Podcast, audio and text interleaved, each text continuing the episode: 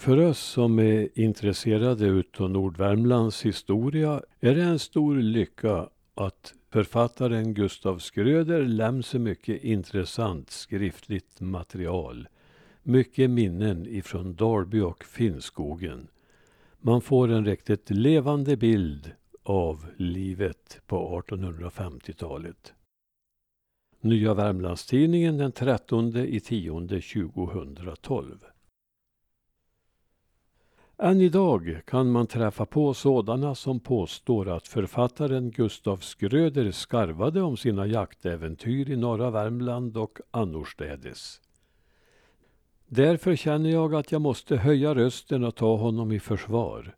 Jag har läst mycket som flutit ur hans penna och har inte sett något som talar för att berättelserna skulle vara lögnaktiga. Det finns dessutom, tack och lov, uttalanden bevarade från ögonvittnen. Erik Edgren växte upp som granne till den store jägaren då han på 1850-talet bodde i Vingäng i Dalby. I ett brev till hembygdsforskaren och arkitekten Lars Bäckvall berättar Edgren att Gustav Skröder var en skidlöpare, skytt och jägare av första rang. Hans make i den vägen torde ej vara gott att uppleta. Det var Edgrens ord.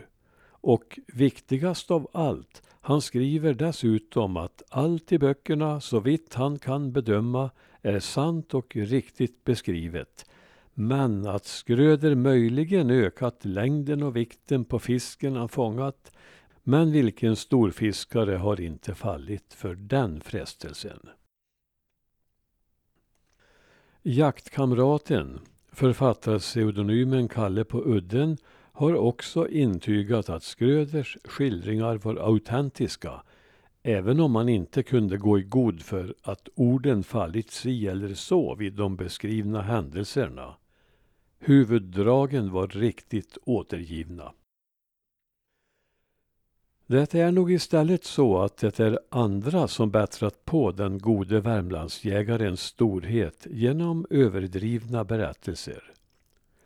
Att han skulle ha stått på trappan till lillstugan i nedergården och skjutit pipan ur munnen på husbonden som stod på trappan till huvudbyggnaden något tiotal meter därifrån är givetvis en överdrift som kommit till i beundran av hans skjutskicklighet. En annan överdrift som berättats i Dalby var att han stod uppe på backen, på Hia, och utförde samma bedrift på kanske hundra meters avstånd.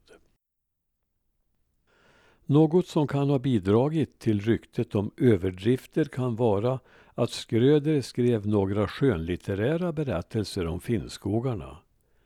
Där kan man ju inte ställa samma krav på sanningshalt som i de rent dokumentära skildringarna men missförstånd och sammanblandningar kan ha uppstått i läsekretsen.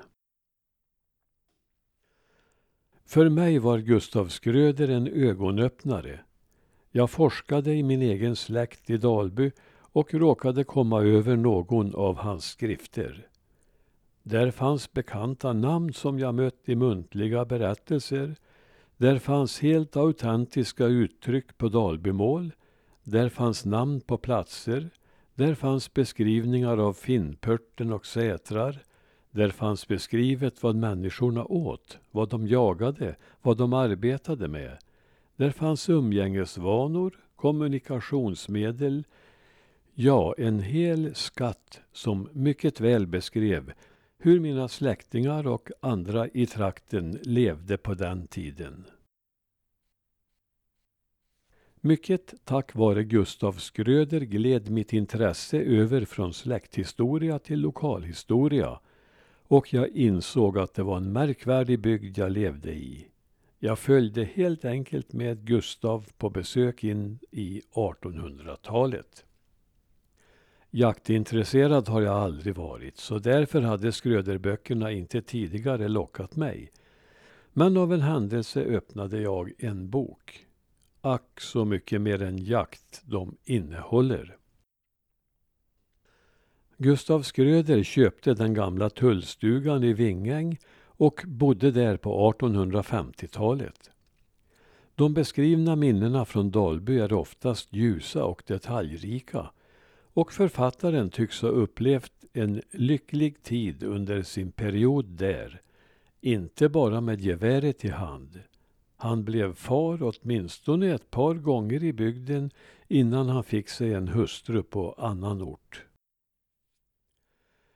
Just i år är det hundra år sedan Gustav Skröder gick ur tiden och vi har mycket att tacka honom för. Vid en ålder då vanligt folk pensionerar sig satte han sig ner och skrev ner sina minnen i bok efter bok. Då hade han, konstigt nog, bosatt sig i Stockholm. Faktiskt i en Östermalmslägenhet i en byggnad som ritats av ovan nämnde Lars Bäckvall.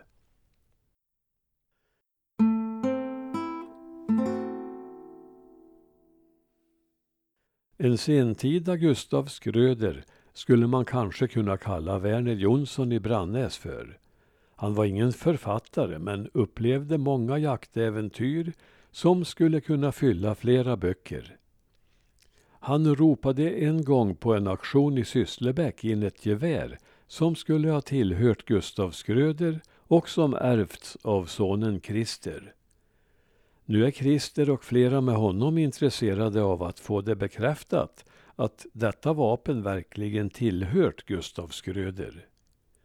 Werner själv ansåg att det var det mest värdefulla vapnet han hade i sin samling. Enligt vapenkännaren Rolf Johansson i Brannäs är det ett vapen som användes på Skröders tid.